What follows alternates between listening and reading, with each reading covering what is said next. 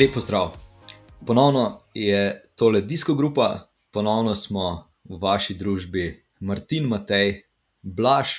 Zdaj, uh, žal nas ne vidite, Matej je ravno kar zelo, zelo zazehal. Uh, od česa si tako utrujen, Matej? Uh, po mojem, odletno, v glavnem. Ampak, ta povod, to je vzrok, povod pa sega v soboto zvečer, ko smo večkrat zažurali po Dog Gravel Days z dobrim pivom in uh, z dobro družbo. Ja, to smo lahko videli uh, v tvojem napovedniku zmagovalca nedeljske etape. Ja, točno. Ja, takrat nisem bil čist uh, presep, tako da sem v bistvu tudi zelo slabo napovedal. Zakon. Uh, Martin, Kaj boš ja, glede, povedal? Glede na napovedi, tudi noben od nas ni bil čist presepne, ker vemo vsi, da smo eh, bili krepko daleč od uspeha, čeprav verjetno pred etapo ni bilo pričakovano kaj podobnega, ampak ja, eh, ni bil očitno Matej eh, edini tako daleč od, od uspeha. Um, ja, zdaj mal, malenkost prehitevamo uh, scenarij, ki ga itak ni, ampak se vseeno. Uh, jaz sem si danes napisal ravno to, da, da v tem drugem tednu dobenemu od nas ni uspelo pravilno napovedati zmagovalca etape. Uh, je pa vseeno to uspelo Klemnu in Robertu, uh, ki sta zdaj, mislim, da Robert mi je že poslal fotografijo, da je prejel majico, Klemen jo še bo. Uh, Tako da ja, se splača sodelovati, uh, predvsem, uh, če pravilno napoveš, kar mi nismo.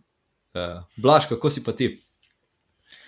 Um, ja, v redu, ne. jaz sem imel tudi spet kar pester vikend, uh, dirka je bila v Šančulju, uh, pa dirka tudi v, v Prekmurju, v Tropovcih, uh, kamor jaz sem se, sem se odpravil kar s kolesom, ker uh, ja, Uh, sem odstopil enemu našemu kolesarju, da je uh, prostor v kombiju, pa, pa ja, sem se odločil, da bom šel s kolesom. Tako da uh, sem združil uh, prijetno s koristnim. Ja.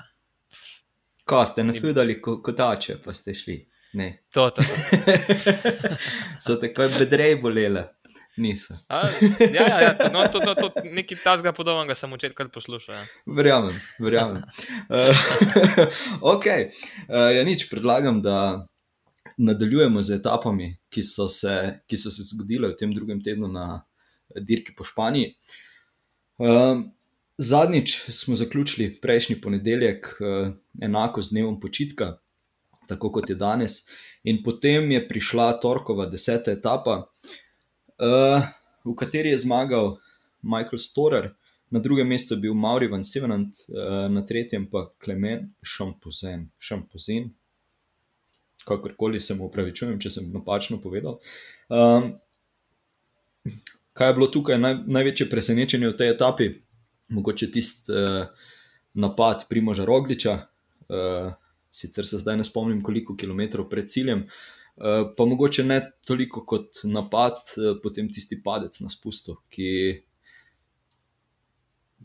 kaj bomo rekli, se je skoraj da napovedal samo od sebe, vsaj, vsaj reporterja na Eurošportu uh, sta mogoče že kako vinek prej bila zaskrbljena zaradi tega, Martin, izvoli. Ja, tukaj smo spremljali dve dirke, če lahko tako rečemo, spravljeno spredaj, večja skupina obežnikov z ogromno prednostjo in pa zadaj potem uh, skupina favoritov. V prvi skupini smo v bistvu spremljali nekako tudi navidezno bitko za rdečo majico, kjer sta Aiking in pa Martin nekako bila ta boj, medtem ko pa v zadju potem napad Primoža Rogliča. In ja, omenil si že, da se je ta padec napovedoval, kaj ti že v drugem zavoju, pa spusta je Primož nekako se še uspel ujeti, oziroma že tam je imel neke težave. Potem se je videlo, da res agresivno napada, na spustu, kjer mu to najverjetneje po, po vsem videnem na letošnji Vojti in tudi v celi sezoni ne bilo potrebno. In ja, to ga je nekoliko, nekoliko stalo, uh, zdrs oziroma padec na, na Vinku. Uh, hvala Bogu, ni bilo nič resnega, imel je dovolj veliko prednost, takrat je bila prednost nekaj 20 sekund, da se je še pravočasno pobral in na koncu potem prišel v cilj z grupo, z v bistvu masom Lopezom in pa Hegom, če se ne motim, tako da pravzaprav nič izgubljenega. veliko bolj so tu bili slabe volje pri ekipi Ineos, kjer so pa že recimo, nabrali si dodaten zaostanek, njihova kapetana Jejc in pa Bernal sta nekako na tej etapi dokončno, mislim, da videla, da v generalnem rezultatu ne bo ta morala biti tako visoko. In ja, za generalno nismo videli tu nobene spremembe, če govorimo za favorite, zagotovo pa je bila presenečenje zamenjava rdeče majice, ki od eh, te desete etape naprej do danes še vedno na, na plečih Aikinga, kar je vsaj za mene neko presenečenje. Uh, in pa v bistvu Intermaršev Antikober ima že drugič na, na tej dirki rdečo majico, že drugi kolesar, kar je tudi presenetljivo, ker vemo, da smo že v prejšnjih etapah kar nekaj povedali o njih. Tako da smo lahko presenečeni, v bistvu, da, da se vozijo, rečemo, tako dobro. Ja, res se vozijo dobro. Um, Blaž, kaj pa ti meniš, izvoli. Um, ja, no, mislim, da je nas je kar vse ta primožen napad, kar presenetil, ker um, praktično ni bila to etapa, kjer bi se zdaj ker bi bilo smiselno pridobivati neke sekunde, um, sploh pa tako na silo, kot uh, je on tukaj poskušal. Ker um, mislim, na takem spustu, oziroma v sponu, ja, kvečemu bi pridobil ene 20 sekund, kaj je več, pa zelo težko. Um, tako da ta, to, kar je Pavel rekel, ne na risk, no glori. Um, tukaj pa še ena druga stvar, ki se pa reče uh, risk, uh, oziroma pač primerjava risk reward, ampak tukaj je bil ta rizik prevelik, kot je nagrada, oziroma pač reward. Uh, tako da to tukaj um, se ni splačalo v vsakem primeru. Ne. Tudi uh, pol, ko so intervjuvali uh, športnega direktorja, uh, je pa pač rekel, uh, oziroma vprašali so ga, uh, če je bilo pač to zmenjeno ali ne. Pa, ko sem jaz zastopil, je rekel, da ni bilo zmenjeno, ampak kdo pa je on, da bi primoža pač ustavil pri teh poskusih napada. Ampak ja, v bistvu je to, če kdo je točno on tukaj, ta človek, ki bi mogel um, njega mogoče malo, kako bi rekel, umiriti, uh, da ne bi delal kakšnih neumnosti. Uh, tukaj je v končno imel zelo srečo, lahko bi se veliko slabš končal, um, lahko bi tudi že odstopil. Um, oziroma, zgubil malo več časa, če je bilo s kolesom karkoli narobe, ampak ja, na srečo je pa v bistvu zgubo ni praktično nič, um, razen tega, da imamo malo popraskano, kar je pa v bistvu v tem primeru še, še najmanj, kar se je lahko zgodilo. Ja, no, je imel nekako srečo v nesreči, um, ampak ja, mislim, da se je pa tudi uh, nekaj naučil iz tega v vsakem primeru. Ja, vsekakor, zdaj uh, tam po, po etapi uh, je mogoče tudi bilo to, da pač če če pa se ne bi zgodil padec, pa bi vseeno mogoče vsi malenkost bolj ploskali in rekli, okay, to pa vseeno ni bila tako nespametna poteza, kot jo mogoče zdaj uh, ocenjuje. Ne vem, mogoče kdorkoli, ki, ki reče, da okay, je pač, uh, ja, no, tukaj ja. bi se strinjal, ja, ampak uh, vseeno etapa, ki je sledila naslednji dan, v tej etapi bi on veliko lažje pridobil pol minute, tudi minuto, uh, če bi pač zadevo se pravilno zastavili. Um, tukaj pa v bistvu je bilo vprašanje parih sekund, se pravi, govorimo o 20, max 30 sekund, uh, ki več pa zelo težko. No. Um, ampak ja, bi pa najbrž vseeno malo drugače govorili, ampak ja, um, mogoče ni bila najbolj primerna etapa za napad, ampak ja, je kot kar je, um, še zmeraj v, v igri, um, zelo dobro kaže. Tako da ja, um, bomo videli, kaj bo pokazal v zadnjem tednu. Definitivno.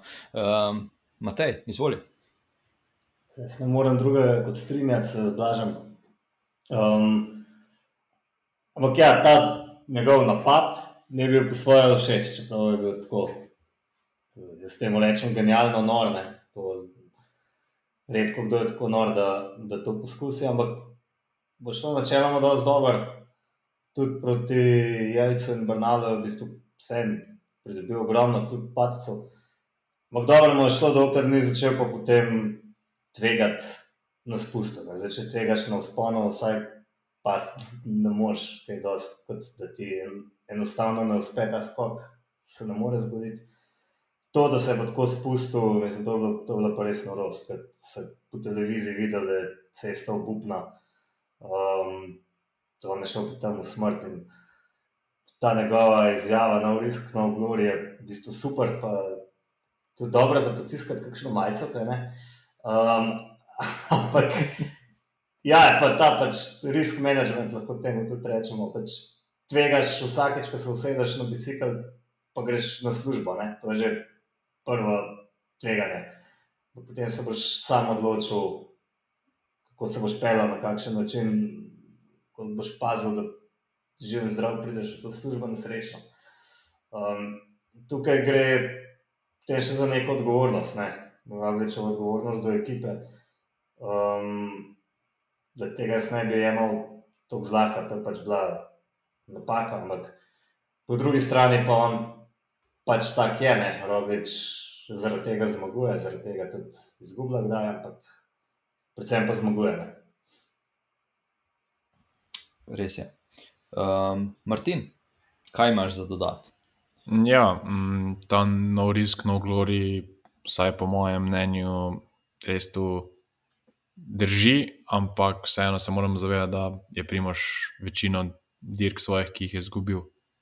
Um, dejansko izgubil tudi kar veliko na ta način, se pravi, veliko zaradi pacov in podobnih zadev. Tako da ta izjava, da, da je potrebno tvegati, vsaj v njegovem primeru, ko vemo, za kako superiornega um, hribolasca gre, mislim, da, mislim, da upam, no, da je bila bolj šala, oziroma v tem smislu, da ne misli popolnoma resno iti na vsak spust uh, s takšnim tempom, ker se mi zdi, da vsaj v tej konkurenci, kot jo trenutno vidimo, enostavno ne potrebuje.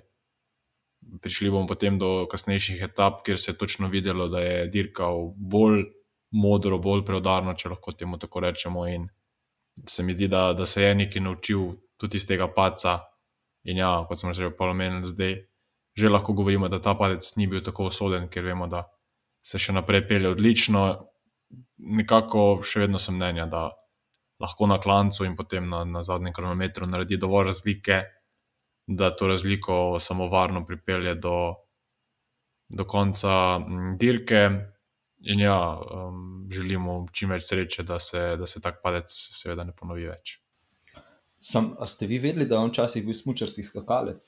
Ne, Yes. Blaž izvoli.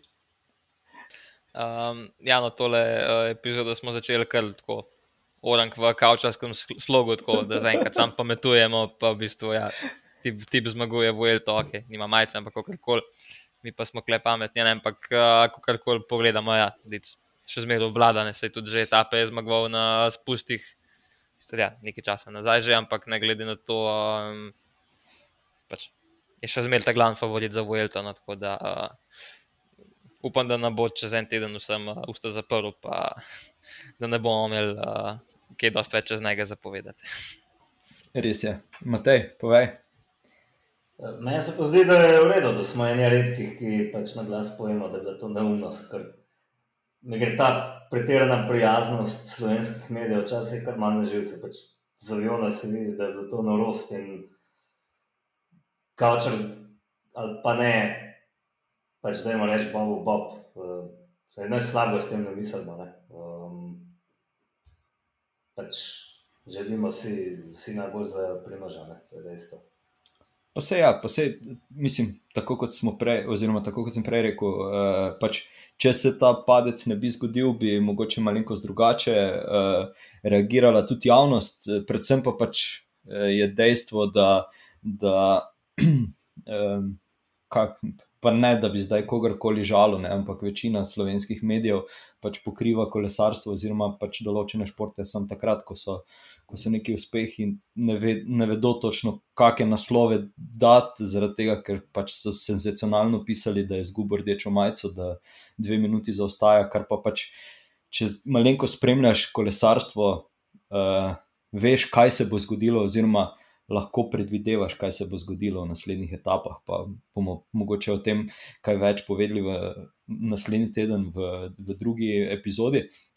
Ampak pač dejstvo, dejstvo pa je, da, da je tu bila napaka, je pa vseeno poskrbel za to, da je bila etapa malenkost manj zaspana. Matej, izvoli.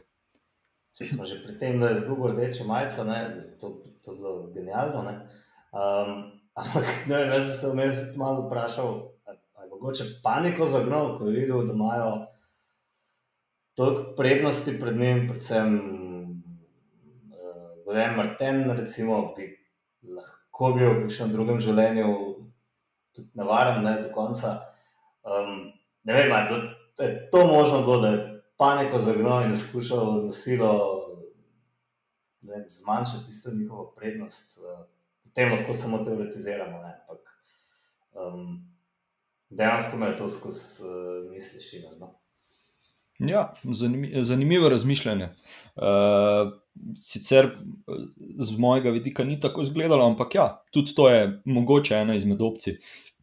Ampak uh, bom, bom rekel tako, ko pogledam na štoprco, uh, dovolj časa smo namenili tej deseti etapi, pa, pa bi predlagal, da se, da se kar eh, sfokusiramo na tisto enajsto, v kateri smo se, oziroma so se vsi spraševali, kaj pa je zdaj ta padec eh, pustil. Uh, in smo, oziroma vsi ugotovili, da pa pač nekaj dosti pustil uh, na, na njegovem boku, blaš, izvoli. Um, Ja, jaz verjamem, da mnogi uh, so kar spregledali tole špičko, če lahko temu sploh rečemo na koncu, ker uh, je bilo vse prej kot to, ne? na raznih grafih je izgledal tako, precej nadolžen. Ampak ja, če si pa v bistvu uh, šel pogled, kako za en kilometr zgleda, oziroma ena taka slika je bila zelo nadzorna iz strani, ko v bistvu vidiš, da se kolesari dobesedno zaletijo noter v steno. Um, ja, pa mislim, da tudi uh, mrzkašna napoved favoritov je bila tukaj. Uh, na ta račun uh, čist mem. Uh, tudi tale hrib, mislim, da je bil za kolesarje tipa Michael Matthews uh, zelo prehud, čeprav mislim, da Matthews uh, ima probleme še s čim drugim, kot s takimi klanci letos. Um, tako da ja.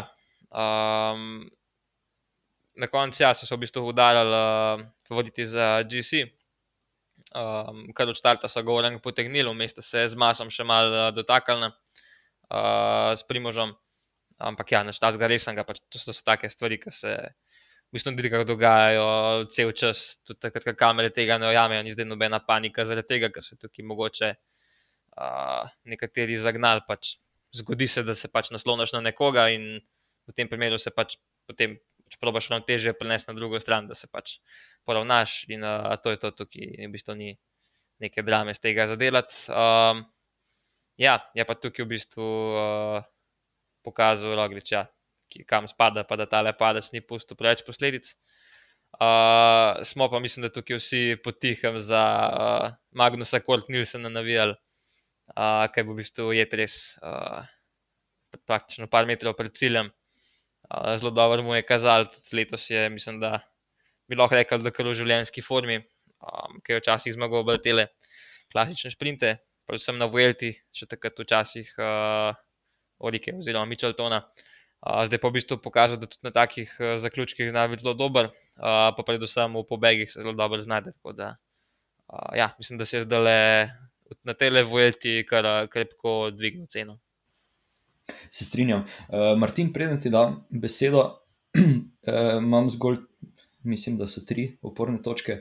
Torej, eno je vprašanje, s čim je Michael Matthews prepričal fante na avtobusu pred štartom etape, da pa je res uh, pripravljen za ta klanec, ali si ga pa ni res ne dobro pogledal, ker je že večkrat bil kot zaključni klanec na Velti, pa se je tudi tam videlo, za kakšne, za kakšne uh, naklone gre, oziroma kakšno strmino. Um, potem druga stvar, da sta se imela mas in primož še čas pogovarjati, medtem ko če pogledaš malenkost video, so zadaj bili na limitu, ona dva sta se tam še ne vem kaj opravičevala drug drugemu ali, ali, ali kaj tisti pogovor bil. In pa še tretja stvar, da se primož ni tako zagnal kot. Uh, Zdaj pa ne vem, katera, katera klasika je bila tista, kjer ga je Ali Filip premagal um, letos. To sem se zdaj vmes, ko si govoril, spomnil, uh, ko je bil drugi. Ha. Bila valonska puščica, se mi zdi. Točno to, točno to. Tam je mogoče uh, preceno, uh, kaj pa vem, strmino, uh, dolžino, kakorkoli. Tu pa, tu pa se je namensko vmes ustavil na tistem položnejšem delu, pa potem še tisti drugi napad, oziroma tisti drugi sprint. Tako da mo mogoče, mogoče, ga, mogoče se je iz tistega kaj naučil, pa ga je tisto spametovalo, da ni šel brez glave. Uh, ne vem, delati 900-metrskega sprinta v klanec. To, to so moje, moje opažanja, Martin, izvoli. Ja, zdaj tu je veliko enih replik, upam, da bom zajel vse, vse tvoje točke in to, kar sta prepovedala um, Blaž in Matej. Zdaj, če začnem pri Michaelu Matthewsu, ne vem, kaj je povedal svojim fantom, to bo verjetno nam lažje povedal Luka Mezgec, ki je bil na tem avtobusu. Ne vem tudi, kaj je obljubil Michael Matthews vsem stavničarjem, ki še vedno polagajo na takšne upe z najnižjimi kvotami na podobnih etapah, ko pa vidimo, da na letošnji Vuelti pravzaprav ni. ni um, ni, ni, ni med glavnimi favoriti za zmago, je bil parkrat blizu, ampak uh, nekako mislim, da sploh ni bil še med, uh, med top 3. Celo Luka Mezgec je bil en izmed etap eh, bolje uvrščen kot on. Tako da, ja, meni ni jasno, kaj komorkoli obljublja.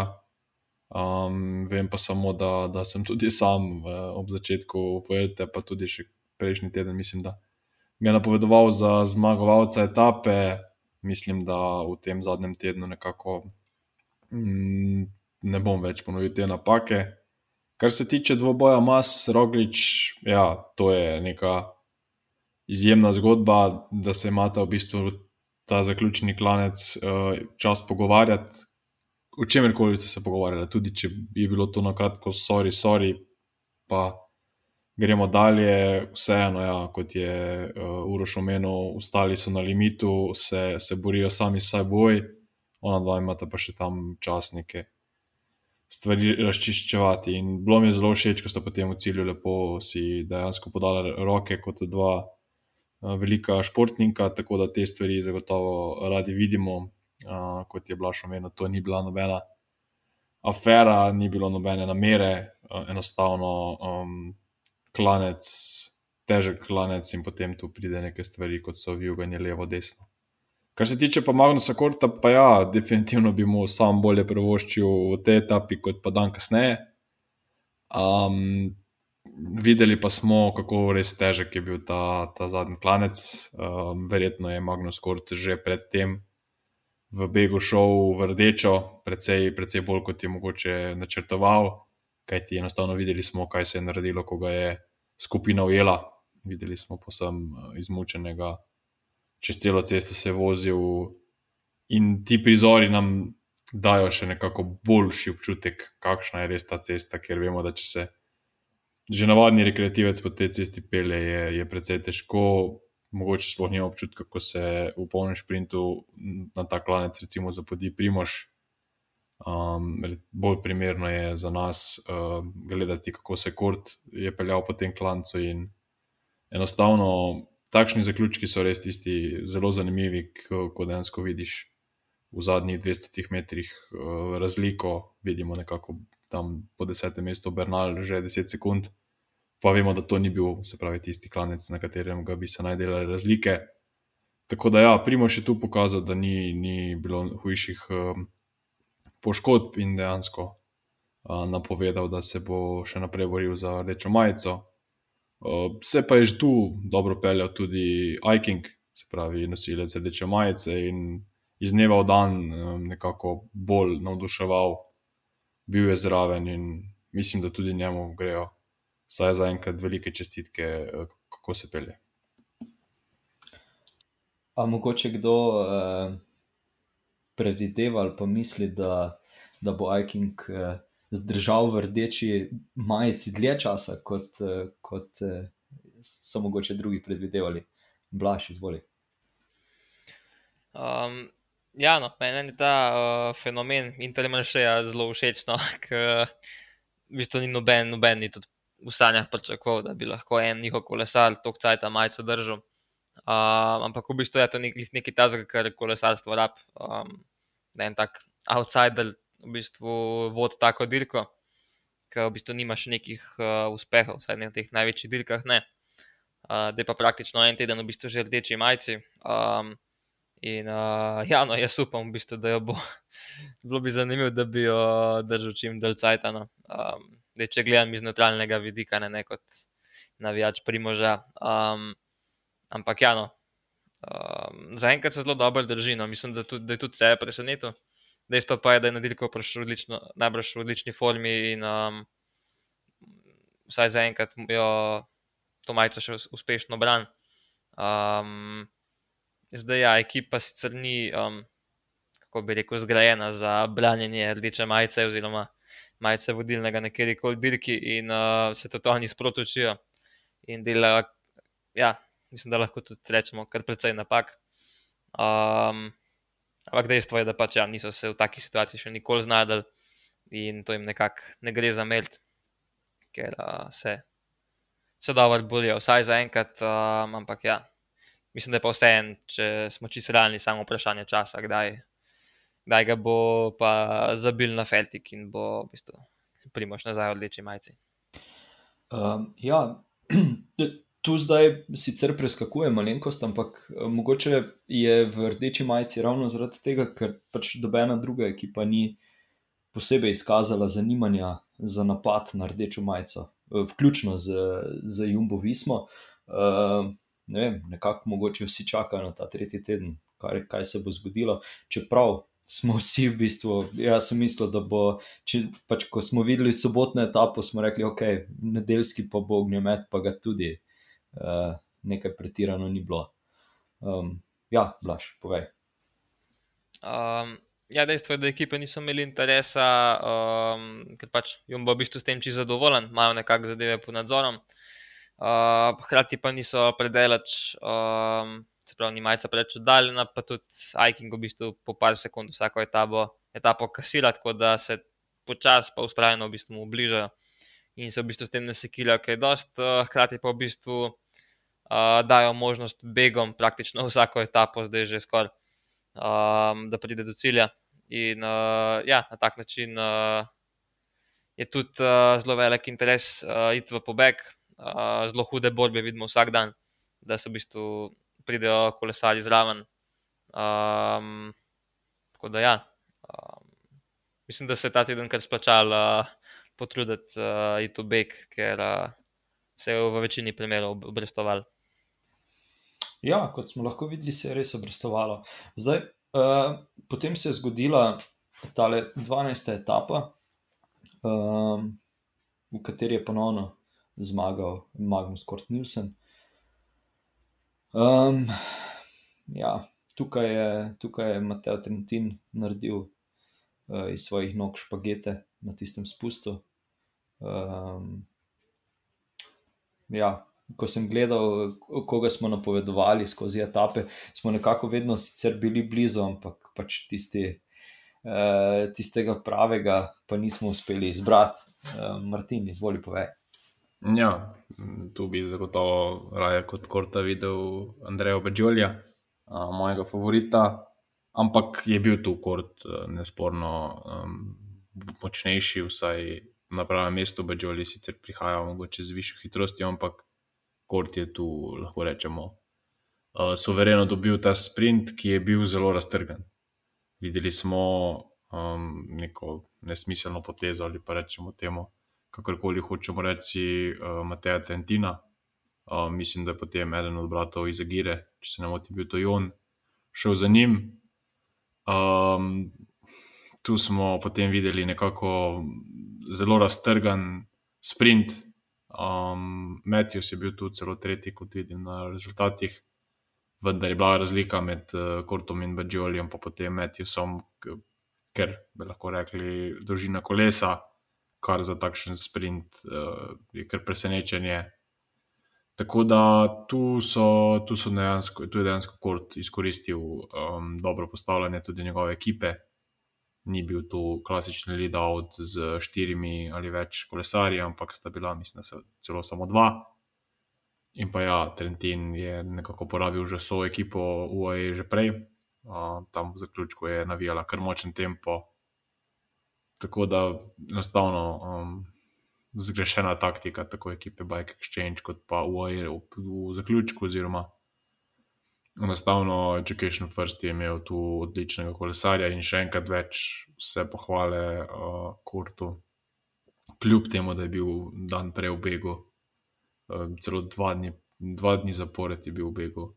Um, do zmage in res uh, odlični formi je. In, uh, mislim, da je Matej po tej uh, etapni zmagi v našem pogovoru dejal, da bo v bistvu Fabio Jakobsen še moral paziti na njega v um, točkovanju za najboljšega po točkah. In ja, mogoče, če se še zgodi ena etapa, še kakšni etapi Jakobsen uh, naredi napako, mogoče pa res ni več veliko etap, ampak pustimo se presenetiti. Um, zdaj, ne vem, sicer kakšen občutek ste vi dobili, uh, mogoče se je UAE strošil ravno ob tistem uh, stopnjevanju tempa, ko so, uh, ko so padli Um, Jumbo, Visma, Movi Starim, pa mislim, da je bil tam ujet tudi uh, Jejc iz uh, Ineos Granadirjev. Um, ne vem, takrat tudi reporterji uh, oziroma komentatorji na Eurošportu so se spraševali, če bodo kolesari posebej navdušeni nad tem stopnjevanjem tempa, ker predtem pač ni bila tako. Uh, Kaj bi temu rekel, tako napeta etapa ja, ne, to je butasta beseda, ampak vseeno, ja, eh, se ni etapa tako razvijala. Matej, izvoli. Tega ne vem, ampak um, večkrat pozabljamo, da je bilo v bistvu zelo težko jedeti tudi ubežnike. Ne? Nekaj časa je zelo dobro kazali. In, um, mislim, da so se predvsem strošili pomočniki um, Metjosa in Trentina bolj proti koncu, ko je bilo res Um, res je nekaj časa že zgleda, da bo obešnikom spet pritucirano. Ne vem, kaj mora Michael Matthews narediti, da končno kaj zmaga. Ne vem, enostavno imam. Ne vem, no, v klasičnem sprintu tako, tako nima možnosti. To je bila res etapa narejena za njim. Sam je potem rekel, da je pač slab dan, ne? imel nog, odpadel je na obeh klancih, pa potem lovil. Tako da že to, da je zlekel tretje mesto, je po svoje uspeh. Um, tako da, ja, mogoče čist en slab, slab dan. Pa mogoče bi poudaril, no, da je za tako polovico uh, kortove zmage najbrž res zaslužen njen skok, ki je ni bil to gledal, kot je, vem, sem dobil tisti, da pač zelo zgodaj napadel, um, kot mu je priključil in potem dokončal, kar se je začel. To je bil skoraj bolj en tak napad, kot pa nek klasičen sprint, majhne skupine. Ne. Tako, mene je zelo presenetilo, no, s kakšno hitrostjo ste se odpeljali. Ja, res, eh, z dvema pristavama več kot pa ostali ne samo eno, mogoče. Um, Blaž, povej. Um, ja, jaz se zmeraj bolj sprašujem, če je smiselno sploh uh, Matthews uh, uh, nekako uvrščati v ta krog favoritov v takšnih in drugačnih zaključkih nasploh, ker ja, vemo, da v teh klasičnih sprintih pač nima šanse. Uh, tudi v najboljših časih uh, pač ni bil to njegov teren. Uh, pa tudi na Vuelti letos je dokazal, da tudi na teh njegovih trenih, se pravi na teh sprintih um, manjših skupin, pač ni, um, ni sposoben nekako zmagati. Ne? Zdaj, se, kot me bo karma udarila, ne ga bo, bo jih naslednjo tako etapo zmagal, uh, vsaj ponavadi je tako. K, um, ampak ja, no, jaz tudi naši napovedi, ga tudi enkrat nisem napovedal, ker nekako. Ne računam na njega. No. Se, se mi zdi, da bi v bistvu Bajoli um, v takih zaključkih lahko bil v bistvu zmeraj boljši. Tudi, um, mislim, da je to prvi Grand Tour za njega, če, če prav vem. Uh, da, ampak je on tudi on je bil že kar nekajkrat tako le zraven v takih situacijah. Tako da ja, v prihodnosti jaz od njega veliko več pričakujem, kot v bistvu od Meti. Vsak, uh, ja, bi bilo v bistvu mogoče se smiselno vprašati, bi se mogoče z Mezgecom uh, kdaj kaj zamenjala. Um, ampak ja, tukaj je vprašanje to, če ima Mezgec sploh v bistvu interes, oziroma če je pripravljen na tako vlogo v ekipi. Um, čeprav je. Um, mislim, da je on čisto zadovoljen s tem, da je, da je pač ta glavni lead out men. Ampak ja, bilo je pa fajn, da bi v bistvu uh, potegnil za kolesarja, ki pa, ki pa je sposoben uh, zmagati na koncu. Res je, res je. Matej, povej. Ja, pa mi zgodi smo vedno enega tazga šprinterja, ki v resnici ne more zmagati klasičnih šprintov. Predtem je imel Mateja Trentina, recimo. Um, da, ja, to, to, to je res škoda, da sem jaz tudi zdaj že popolnoma zgubil zaupanje v Metjusa. Pa sem ga ravno tej etapi napovedal, seveda, tako kot vsi. Ki so hoteli zihar nekaj, nekaj za ziharce. Jaz, jaz mislim, da sem padel na klena povedal. padel na kas pa, sem gledal kakšen profil slučajno. Noč. Ja, lej, pa, pa no. ne, nikoli ne veš. Mislim, zdi se, zdi se mi, da če ne bi uh, v tistih zadnjih metrih toliko zaprli Primoža, da bi še Primož, uh, Matjusa in uh, Trentina tam prešprintal. No? Pač, pa, pa ne zdaj, da, da bi moral vedno zmagati, pa vedno vse uh, narediti, ampak pač, ja, tisti, tam je res bedalo, kot da se pripravlja na, na to, da jo bo še več printal pred ciljem. Martin, povej. Ja, tu tudi komentatorje ste se šalili, ko se je začel pripravljati nekako ta sprint, nekako ponovno, ko sta štela kdo od uh, sprinterjev tu, sta dvakrat v šali dejala primoš, primoš in potem tudi, mislim, da je tam zadnji kilometr ali pa 500 metrov se nekako precej više postavil, omenil si že, da je bil kasneje zaprt. Ampak ja, zagotovo to ni bil, bil je recimo da mislim, da je nekoliko false flat uh, finish, tako da ja, tu, tu, če bi bil bolje postavljen, posem možno. Konec koncev je bil recimo Grošan šesti, tako da to ni bil čisti klasičen, klasičen sprint. Kar se tiče pa naveze Mesgec Matthews, pa smo v bistvu lanski sezoni lahko videli, ko je bil v bistvu Mesgec pravzaprav glavni sprinter v ekipi. Tudi sam je večkrat podaril, da nekako je raje lead out, kot kot pa sprinter, saj se počuti bolje v tej, v tej vlogi. Tudi sam mislim, da je med lead outi više, kot pa recimo uh, med eh, sprinterji. Tako da bi si pa želel, recimo, Mezgeca videti v ekipi Dekoni Quick Step, kako bi recimo tam funkcioniral. Ker vemo, da gre za enega izvrstnega lead-outa ali pa pač nekega boljšega sprinterja v njegovi ekipi, da bi potem še lažje um, nekako vrednotili to njegovo delo in ne bi bilo toliko subjektivno, ker je pač slovenec. Tako da, ja, bolj kot uh, Luko Mezgeca na kapetanski poziciji, bi recimo raje videl um, vem, Sema Bennett ali pa nekoga drugega od sprinterjev na mesto Michaela Matthewsa. Ja, že potem v 13. etapi je bil Luka na četrtem mestu uh, in pa tisti, ki, ki igra stave in je stavil na Florijana Senešala, da bo zmagovalec etape, nam je po mojem vsem dolžen pivo, zaradi tega, ker je po mojem ob eh, plačilu enega evra zaslužil gazilians. Eh, po, po mojem, da se ne šala, sploh ni šlo staviti, če me vprašaš. Eh, tako da, ja, eh, tu je bilo kar nekaj nevolje strani Jakobsna ki pa je pač izgubil tisto pozicijo uh, v svojem sprinterskem vlaku. Um, Blaž, povej.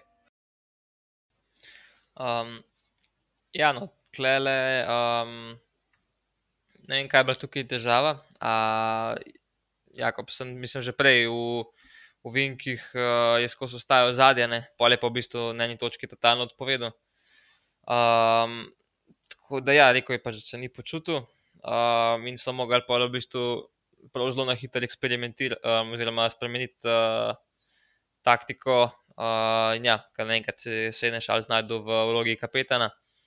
Um, tako da, ja, v bistvu, tukaj se pozna, oziroma tukaj se vidi, um, kakšen šport je v bistvu kolesarstvo, kako na hitro je treba neko taktiko spremenjati, uh, oziroma odreagirati in to v bistvu pač skoraj 200 pulza. Um, pač ni to tako lahko, kot je mogoče zgledati.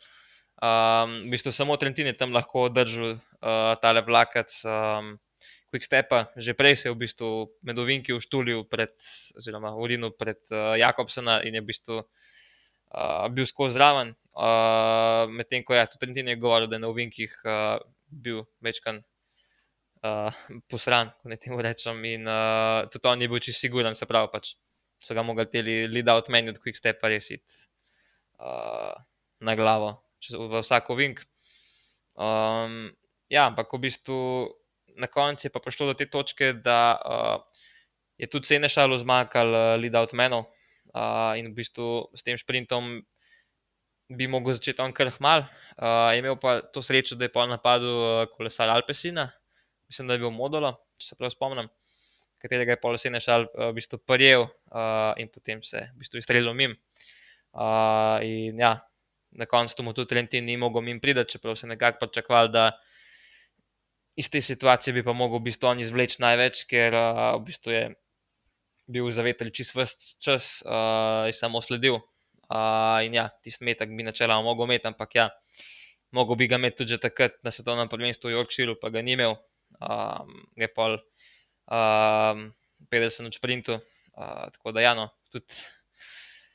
Mislim, da tudi uh, Trentin spada v tisto skupino kolesarjev, kot kar Matthews, pa ja, um, nočem pluvati čez nobenega, ampak ja, mogoče kaže vse v to smer. Um, tako da, ja, no, jaz sem za vse nešala v bistvu zelo vesel. Uh, po eni strani še bolj, kot bi bil za Jakobsena, ker uh, pač Lida od mene dobi take priložnosti vsakič. Tudi uh, zanimivo bi bilo, č, um, kaj bi bilo takrat na turu, če bi uh, Michael Morkov uh, pripeljal čez črto pred uh, Kevin Dishom. Mislim, da bi tam bila ta reakcija še večkrat bolj burna um, v tisti situaciji, tudi strani ekipe. Uh, ampak ja, no, mislim, da bo Jakobsen tudi to hitro pozabil, uh, ker ve, da v bistvu je sedne šal njegov uh, ta glavni lead od meni. Ja. Mislim, da se mu tudi uh, on noče zameti prav kaj dost. Um, ja, res je. Martin, povej.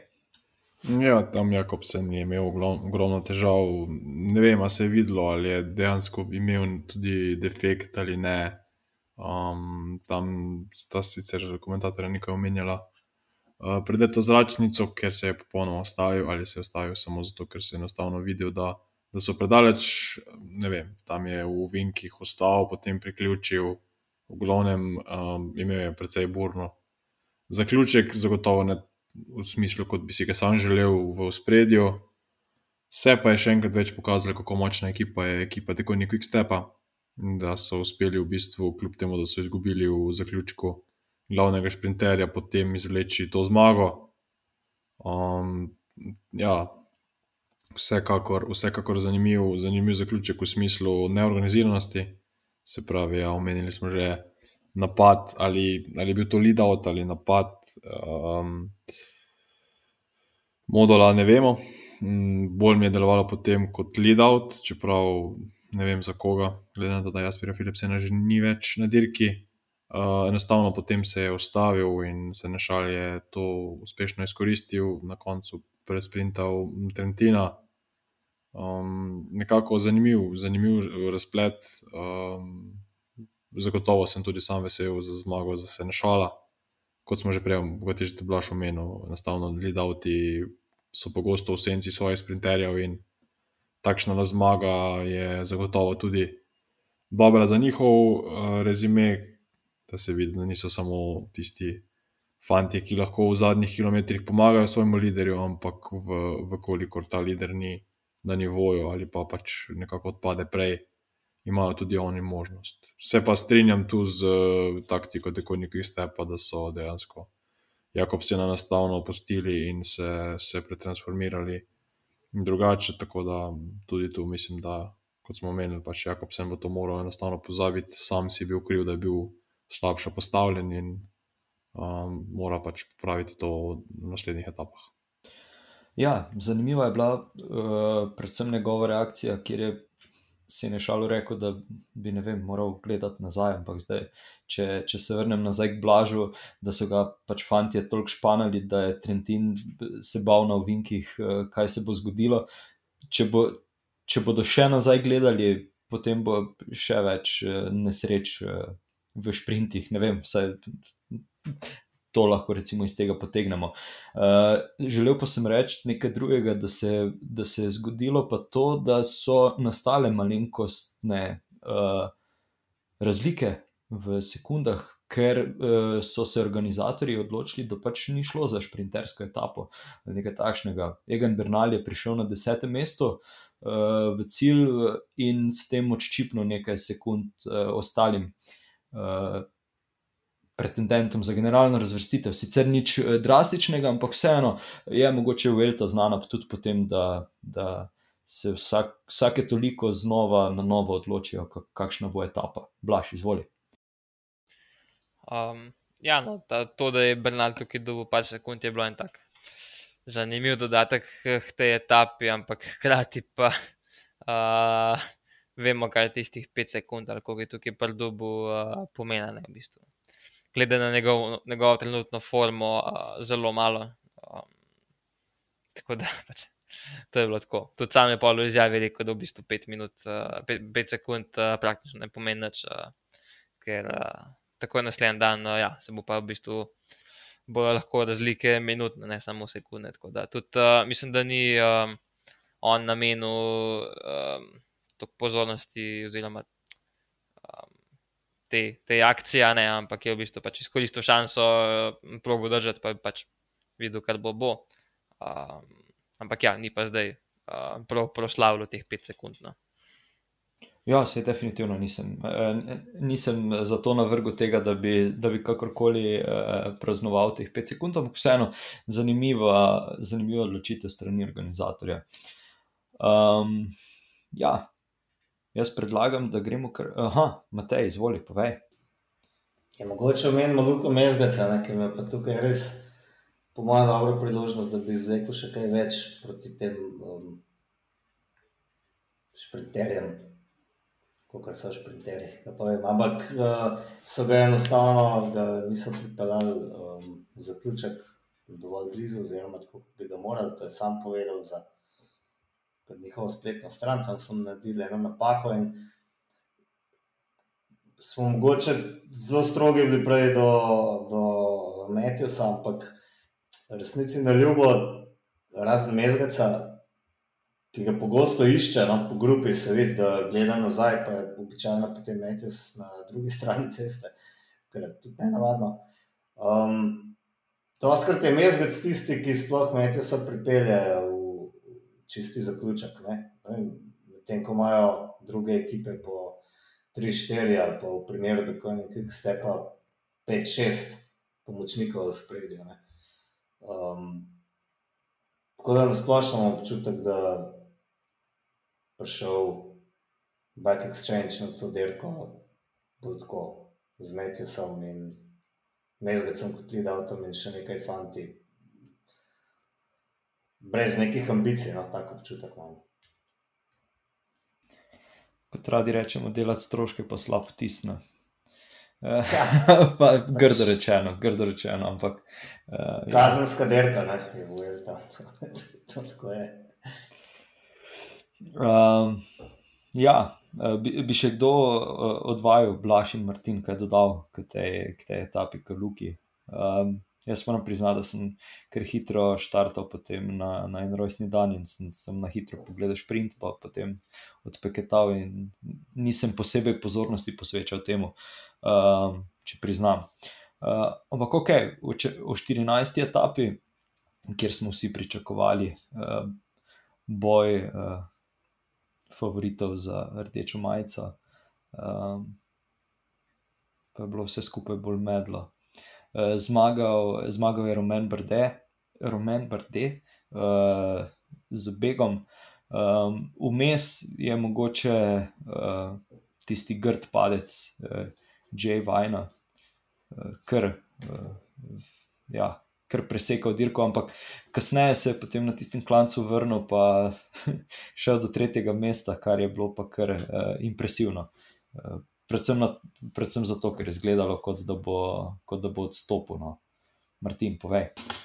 Ja, zgodba Džeja Vajna je nekako zanimiva v modernem svetu kolesarstva, kajti on si je pogodbo pridobil tudi s pomočjo uh, zmage na uh, Zwiftovi akademiji, se pravi, akademiji, um, v bistvu podjetja, ki izdeluje aplikacije za trenažerje. Tam je dejansko uh, zmagal v eni izmed uh, lans, uh, prejšnjih edicij tudi slovenec Martin Laurič, uh, in to je bila nekako tudi ena izmed njegovih odskočnih desk um, naprej. V lanskem letu se je to zgodilo, in uh, zagotovo smo veseli, ko takšnemu kolesarju potem uspe tudi v, v med profesionalci. Tukaj, tukaj je zagotovo z odlično borbo in s tem povratkom nazaj dokazal, da, da, da se zna peljati, da je vzdržljiv kolesar in upamo, da bomo od njega videli, slišali tudi še v prihodnosti. Posebne pač čestitke pa zagotovo tudi zmagovalcu etape, se pravi uh, Romano Bardeju, ekipa DSM se na splošno pelje dobro, Michael Storer je usvojil dve etapi, um, Barde, Barde eno. Um, tako da, da zagotovo no, um, tudi njemu čestitke, nekako že prej odpadel od bit, resne bitke za generalno razvrstitev. Tako da sedaj se je osredotočil na pikčasto majico in pa na na etapne zmage, tako da to je ena v, v njegovi zbirki. Treba pa izpostaviti tudi konec koncev deseto mesto Jana Tratnika, ki je bil v Begu, pričakovali smo ga že v kar mogoče kakšni etapi prej, v tej etapi smo končno dočakali in tudi na koncu v deseterici. Dočakali smo pa tudi vsaj v malce večjem obsegu na, na zaslonih tudi Toma Pitkoka, katerem smo kar nekaj govorili v naših uh, epizodah. Um, sicer na koncu neč, kaj resnega, ampak je lepo bilo videti tudi njega, da, da, je med, uh, da je še vedno v glavnini in da tudi mogoče v zadnjem tednu pa, pa od njega kaj vidimo bolj resnega. Um, ja, pričakovali smo Jana Tratnika že kakšno etapo prej, on pa niti sebe v tej etapi ni pričakoval. Vse tako je zapisal na, na svoji spletni strani, pa socialnih omrežjih. Uh, tako da ja, sicer, um, čeprav mogoče lahko rečemo, če je na Mortirolu bil drugi, bi tudi tu mogoče lahko posegel po kakšnem mestu više, ampak vseeno, uh, super deseto mesto, blaš, povej, izvoli. Um, ja, Tratnika bi v bistvu ja, malo bolj primerna za njega, bi bila kakšna druga etapa, kot kar tale, ampak uh, mogoče bi bila zelo primerna una, ki sem ga jaz napovedal. Ampak ja, jih takrat ga ni bilo v begu. Uh, tako, ampak uh, ja, no, ne glede na to, um, moramo se spomniti, ja, kaj je naredil v bistvu na Zankolan um, na Džiro letos. Um, tako da tudi uh, njega se nekako potiha mogoče uvrščali, oziroma upali, da bi pa se znal tukaj na tem klancu znajti, kljub temu, ja, da je bil Baldet v tej skupini, pa še nekaj drugih, zelo dobrih ribolastov. Um, ampak ja, no, um, tukaj mu je malo manjkalo, uh, verjamem, da je veliko energije potrošil tudi uh, na tem, uh, na tej Vojti, že tudi za Jacka Hega, oziroma za svojega kapetana, kdorkoli že to je. Um, in uh, ja, tudi tukaj se ta uh, poraba energije pozna. Um, tako da, ja, vse en, vsaka čast, uh, kar se pa tiče v bistvu bitke za rdečo majico.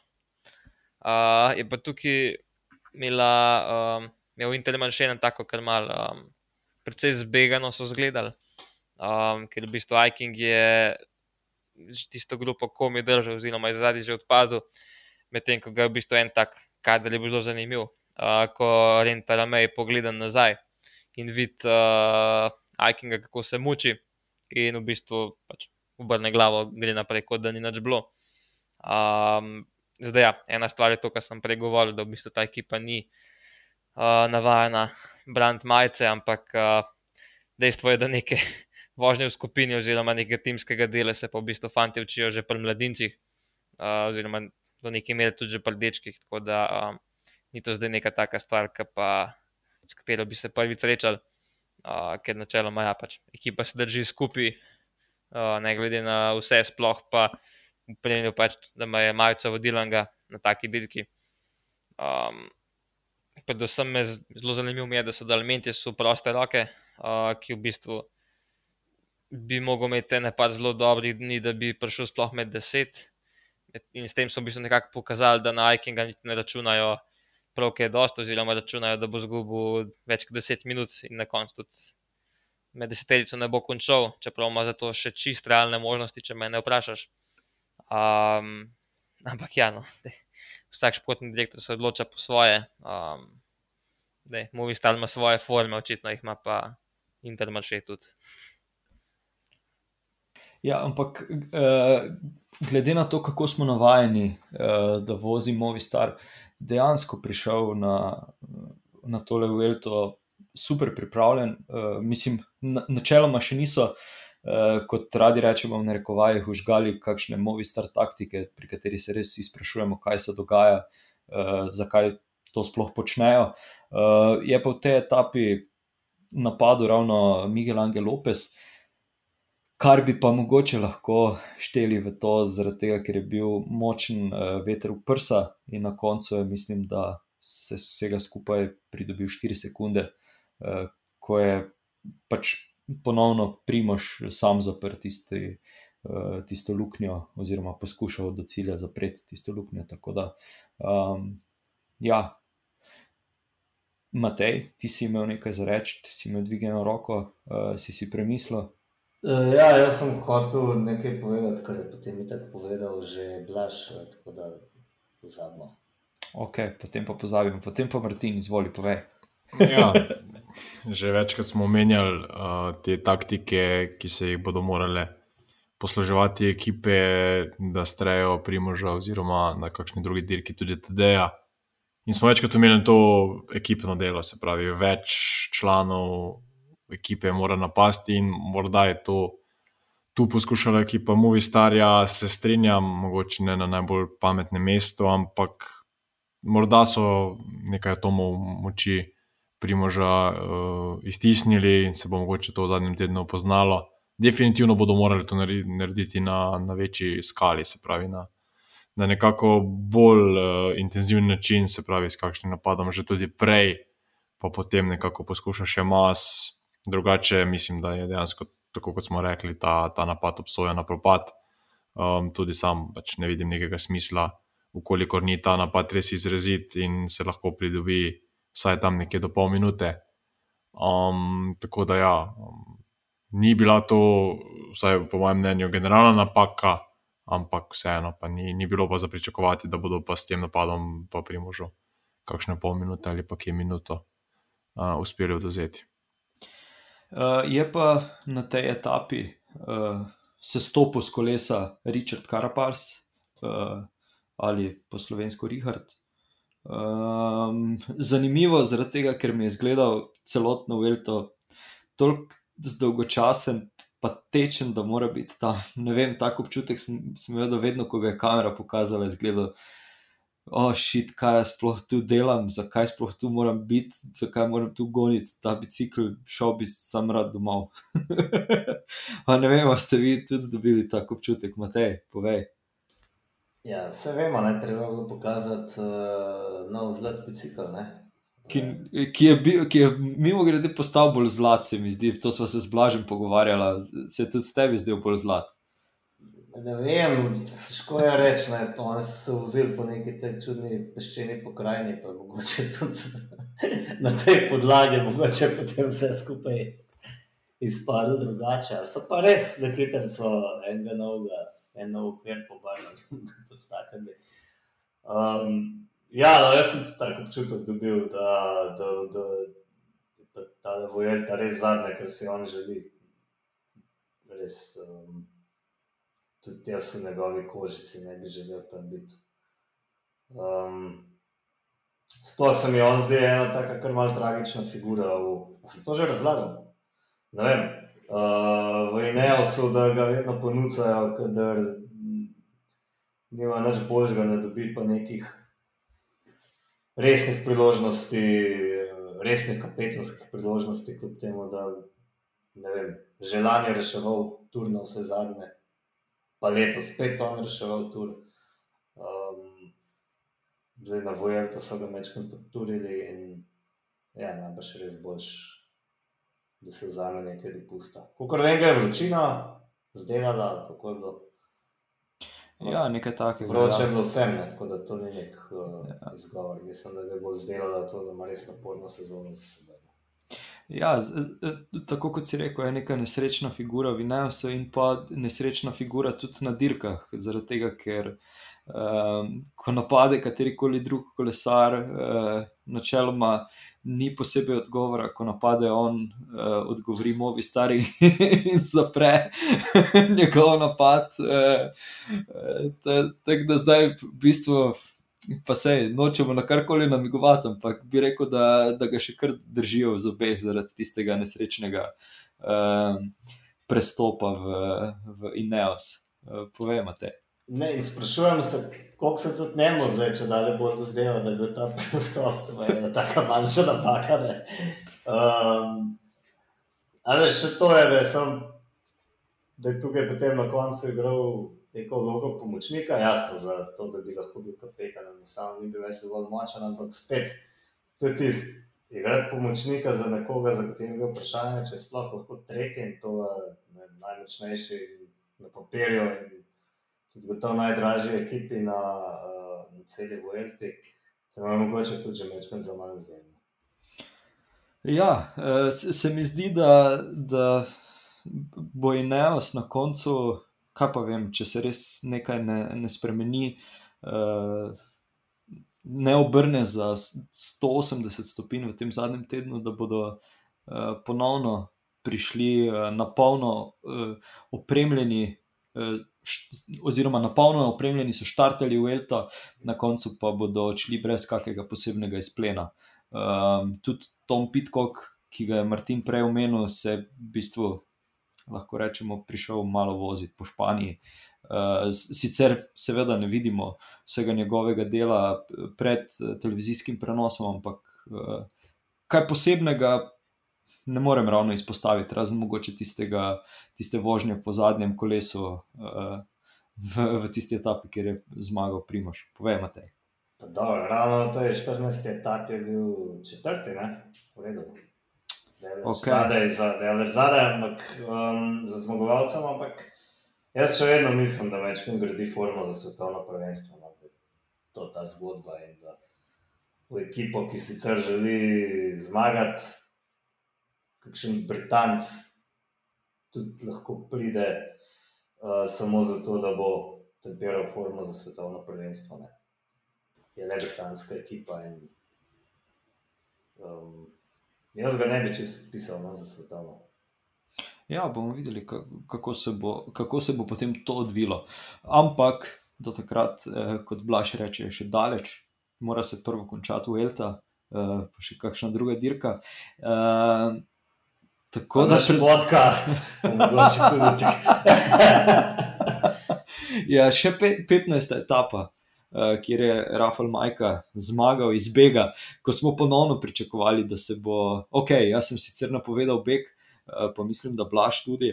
Uh, ampak vidva, Matej in Martin, sta pa pričakovala, da bo, da bo Primoš Roglič zmagal to etapo, oziroma da, pač, da se bodo udarili fanti za generalno razvrstitev, in ponovno ni bilo neke, neke, neke akcije. Uh, Matej, povej. Ja, jaz sem to napovedal s tisto hecno kapco, mm, predvsej pozno zvečer. Ni, nisem. Ja, zakaj je bila moja teorija, da če so se šparali v eni etapi, bojo pa gotovo potem konkurenti Primoža Rogliča napadali v naslednji, čeprav je bila mogoče za napade manj primerna, ampak vseeno tisti zadnji, oziroma predzadnji klanec je bil idealen za nastaviti nek brutalen tempo in spraviti v težave ekipo Jumbo Vizme, ampak to se pač enostavno ni zgodilo. Um, tudi če bi nastavili nek brutalen tempo, dvomim, da bi jih strali, in zdaj imamo še eno, še eno težavo. Uh, Movistar in Ineos sta oba, sta, obe ekipi sta oslabljeni v primerjavi z Jumbo Vizma, samo še po šestih je uh, noter in v bistvu so odpadli zelo pomembni kolesari. ne. Um, pri Movistarju, seveda, Alejandro Valverde. Uh, in si je v 24 urah, nisem izgubil, poleg Richarda Karapaza, še Jonathana Narvajeza, oba Ekvadorca sta uh, odšla, ne vem, mogoče z avionom v Ekvador, direkt. Um, tako da z tega vidika je težko pričakovati no, nekaj resne, te poskuse izčrpavanja ekipe Jumbo Visma, ampak bojo morali um, s temi svojimi najboljšimi um, napadati daleč, se pravi, bolj individualno, za kar pa tudi ta etapa najbolj še bila primerna. Um, ja, tudi jaz moram priznati, da sem na tisti predzadnji klanec pričakoval, da se bo kaj zgodilo, pa potem, uh, pa potem ja, nič, kar dosti ni bilo zavideti. Uh, Martin, povej, izvoli. Ja, podobno kot um, Matej, sem tudi jaz tukaj nekako pričakoval, da bodo favoriti za generalno zastitev naredili to, kar smo mogoče od njih pričakovali tudi že dan prej. Čeprav je etapa na papirju vseeno bila idealna tudi za obežnike in nekako podobno kot etapa prej, nismo videli nič kaj resnega od um, glavnine oziroma kandidatov za generalno razvrstitev um, odličen, odlična vožnja Majke, um, solidna vožnja Kruisvajka. Um, tako da nekako ta etapa je bila še ena v nizu mnogih, um, kjer je zmagal Bek. Mislim, da jih bomo še dan, v zadnjem tednu videli kar nekaj. Um, spet pa nekako se sprašujemo, kaj, kaj, kaj bo potrebno za to, da, da recimo ostale ekipe strejajo primoža. Omenjali smo že neke napade oddaleč, ki mislim, da se bodo slejko prej morali zgoditi, kajti vemo, da prihaja še kronometer. Tako da, ja, od teh etap, pa ja, videli smo nek napad Adama Jejca, to je pravzaprav edina stvar, ki je bila v tej etapi, poleg da ne mečemo v nič zmago Rafaela Majke. Um, nekako Jejc, ne vemo, povsem točno, kaj je tam želel, pridobil je nekih 15 sekund, ampak na, na glede na njegovo zaostanek je to bistveno premalo in spet ne vemo.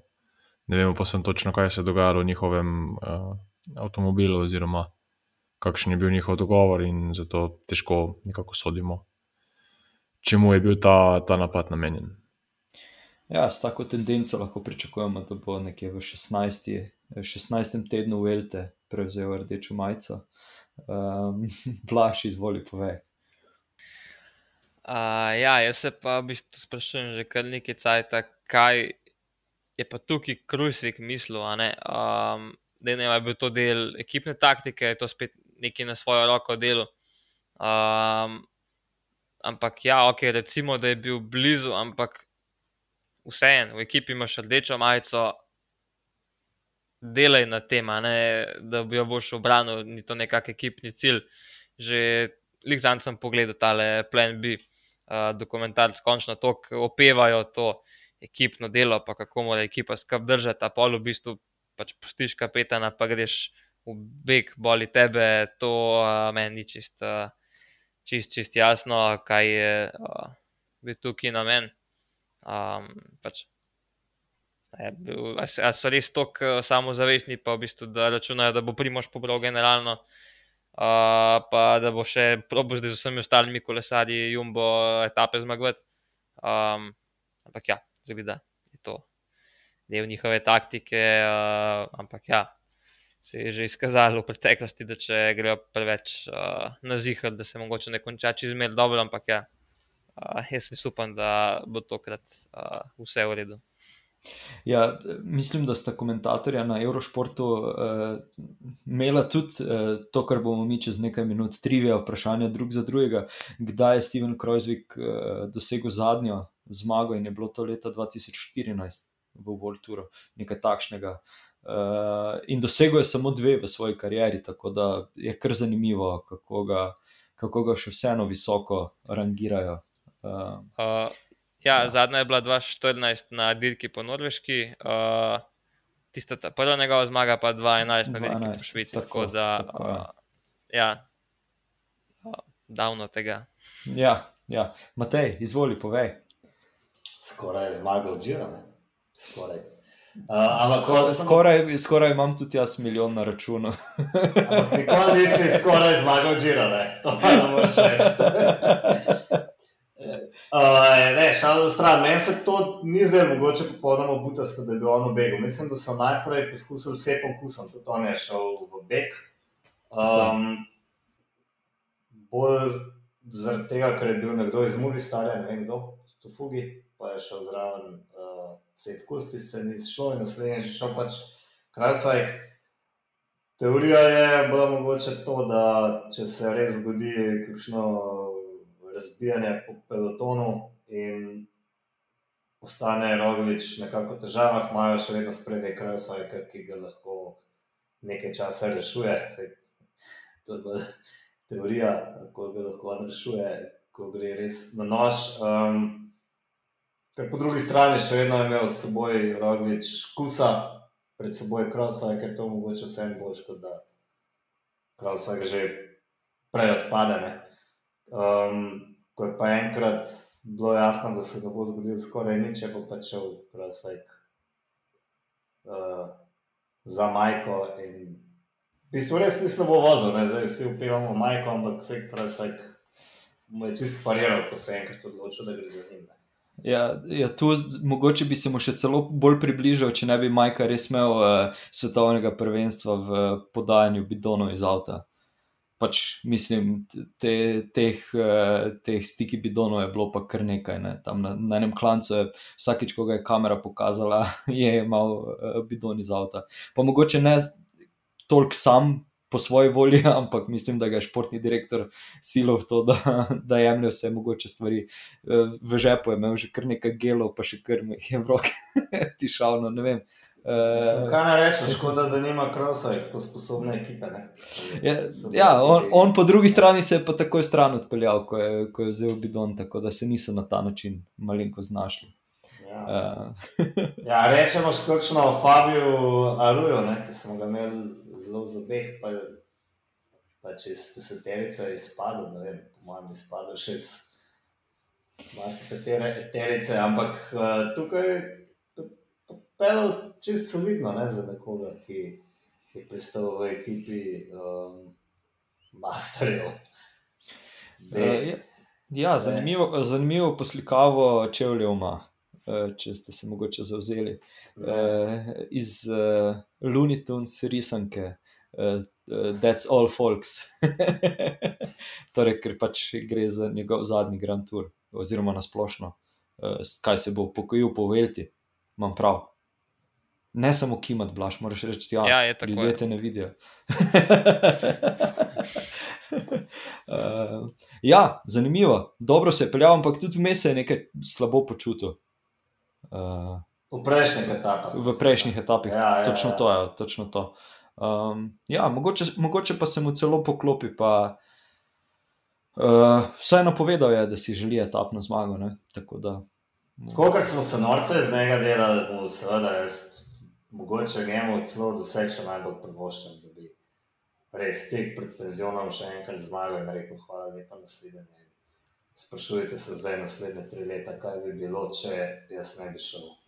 Ja, da bi bilo tako, tako poetično, kot takrat, ko je Contador na Angliru zmagal, ki je bilo kar tako malo. Uh, tako, meni je, de, mislim, ti moment je meni deloval, kot da bi bilo malo zaigrano vse skupaj, ker pač taka, tak scenarij pa skoraj ga ne moš napisati, no, ampak ajde. Recimo, ja, da bi nekaj tasga za Aruja bilo, bi, ja, bi mu tudi jaz prvoščil. Pa sej, se mi zdi, da, da Grand Touri kar pišejo neke, neke zanimive zgodbe. Uh, vseeno. Uh, Da, da na koncu res misliš, da je, da je zaigrano, pa, pa da je scenarij napisan. Uh, tako da, ja, zanimivo. Uh, zdaj v tretjem tednu nekaj napovedujejo nizke temperature, tako da čisto kontra temu, kar je bilo v prvem in drugem tednu, uh, kar zna biti kar zanimivo. Ne? Uh, nekih 12 stopinj na, na vrhovih. To pa, to pa bomo videli, kako bo vplivalo na vse kolesarje.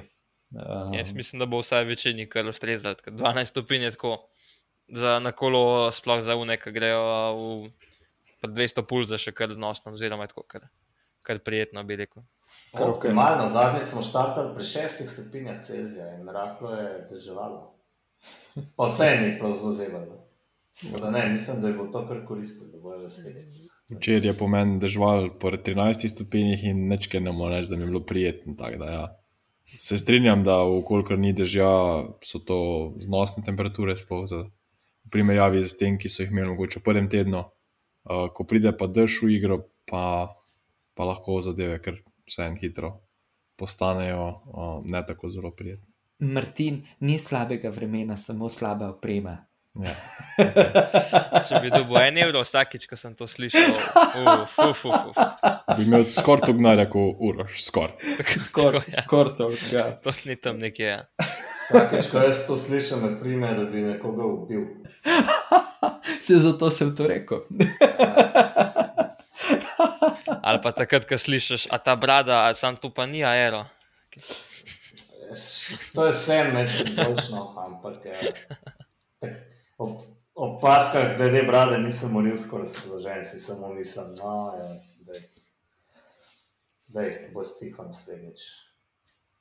No, potem pa eh, bodimo tiho, oziroma pojdimo raje dalje na, na trivijo vprašanja. Pa, eh, evo, Matej, tokrat tebi predajam eh, besedo. Aha, ja, kaj sem že tokrat sem nekaj pripravil celo. Ja, Uh, in sicer me zanima, uh, koliko približno je uh, hitrostni, svetovni hitrostni rekord s kolesom po ravnem, na običajnem kolesu, torej takem, ker držimo krmilo in sedimo na sedežu. Um, Pričemer je to bitje, ki je to rekord postavilo, imelo uh, zavetrja. eh, čak, Ampak torej- res poravnem. Torej, tisto, Po kolo, se šlo, ja. tisto kolo, ki ima spredaj, je tisto ogromno gonilko ali tako navadno mestno kolo. Ne, ne, ne. Kolo je prerejeno za zelo visoke Okej, okay, okej, hitrosti, okej. ampak ne gre za nek ta lezi kol, pa te čudne stvari. Z, Ja, ja, ja, ja. ja. razumem. razumem. Ja, niso to pa GCN probavali nekaj podobnega. Sam mislim, da jim ni latal. Ja, ne vem. Marsikaj so oni probavali. Ja, kaj povem, jaz v zavetrju, ko verjetno 90 bi se dalo. Ne? Ne, jaz mislim, da je šlo kar krepko preko 100. Uh, ja, videl sem nekaj o tem, ampak se ne spomnim cifre. Res se ne spomnim cifre 240. Ne, Ja, ne. pa tudi- No, ta je Ja. ja. huda, po moje. Je, sam je bila huda Ja. hitrost tudi. A Ja, čisto zavetrje rekel- moraš. Ja. Ajde. Jaz bi rekel mal nad 100, ne vem, 110. Um, ja, zelo smešno je, da je šlo uh, v bistvu 296, celih nič, nič 9 km na uro. Ne, To, to Um, to je taka hitrost, da, da, da je spredaj uh, za veter je delal kar ta Drexler, a veš, ta, veste, ta avto, za, ki ga imajo za pospeševanje, za te butaste derke, z enim ogromnim, um, Pri kolcu. ne malo da ne hiško, v katero se je skrila Denis Müller Korenek, hitrostni rekord je namreč postavila ženska in s tem izboljšala svoj, to je do leta 2018, se mi zdi, s tem je izboljšala svoj lasten prejšnji ženski rekord, ki je znašal 237,8 in izboljšala tudi rekord nekega Freda Pompelberga, ali Dompelberga uh, iz leta 1995, ki se je pa sicer za istim avtomobilom pelal 269 km na uro. Da ni šla pa niti 300 na uro. Kolo je bilo zanimivo, nek eh, KHS ali KTM, se ne vem več, večkrat prirejen z amortizerji, ker to se vozi po tistem slanem jezeru Bonville, kjer se postavlja vse te nore hitrostne rekorde. In um, imela je nek nor prenos 62 krat 12, ampak vezanega drugega za drugim. Tako Da ne vem, kakšen prenos je to, ne znam zračunati.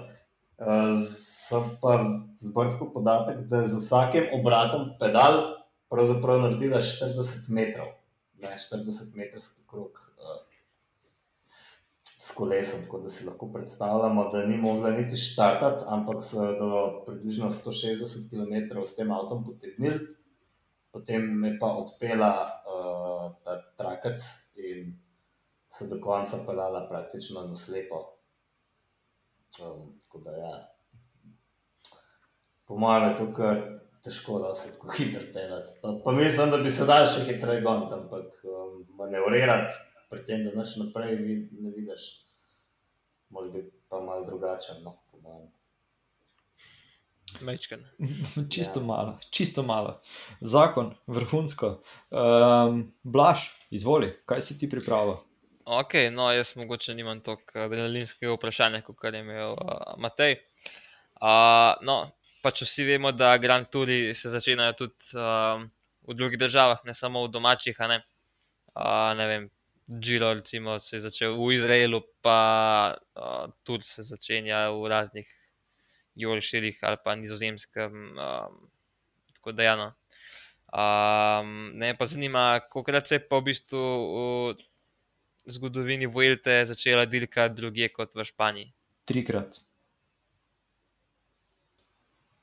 Po mojem, da to uroš nekaj, nekaj prebral. Jaz sem hotel odgovoriti, da zelo malo krat je. Jaz sem točno največ petkrat. Uh, Jaz Ja, mislim, da je trikrat. rekel uh, uh, v Franciji je bilo na zadnje, ne? Uh, mislim, da, če se prav spomnim, nek, nek, kak dva tedna nazaj sem to bral. Imam prav.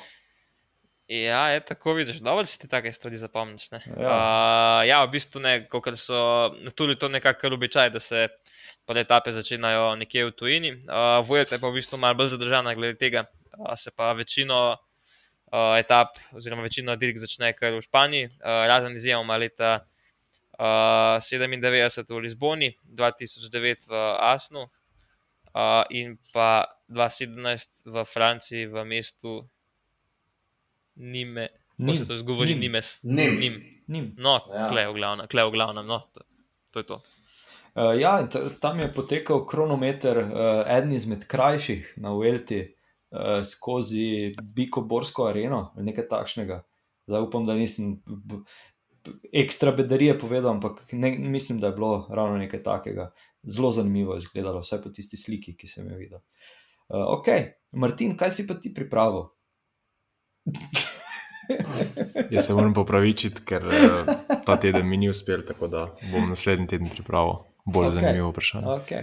Uh, dobro, jaz sem pripravil eno vprašanje, uh, zaradi tega, ker kamorkoli pogledam, uh, vsi eh, pišejo, kako spremljajo Krisa Hornerja, uh, ki je pri, koliko je bil star? 41 ali 42, ko je zmagal Velto? 41. 41. 41, leta 2013.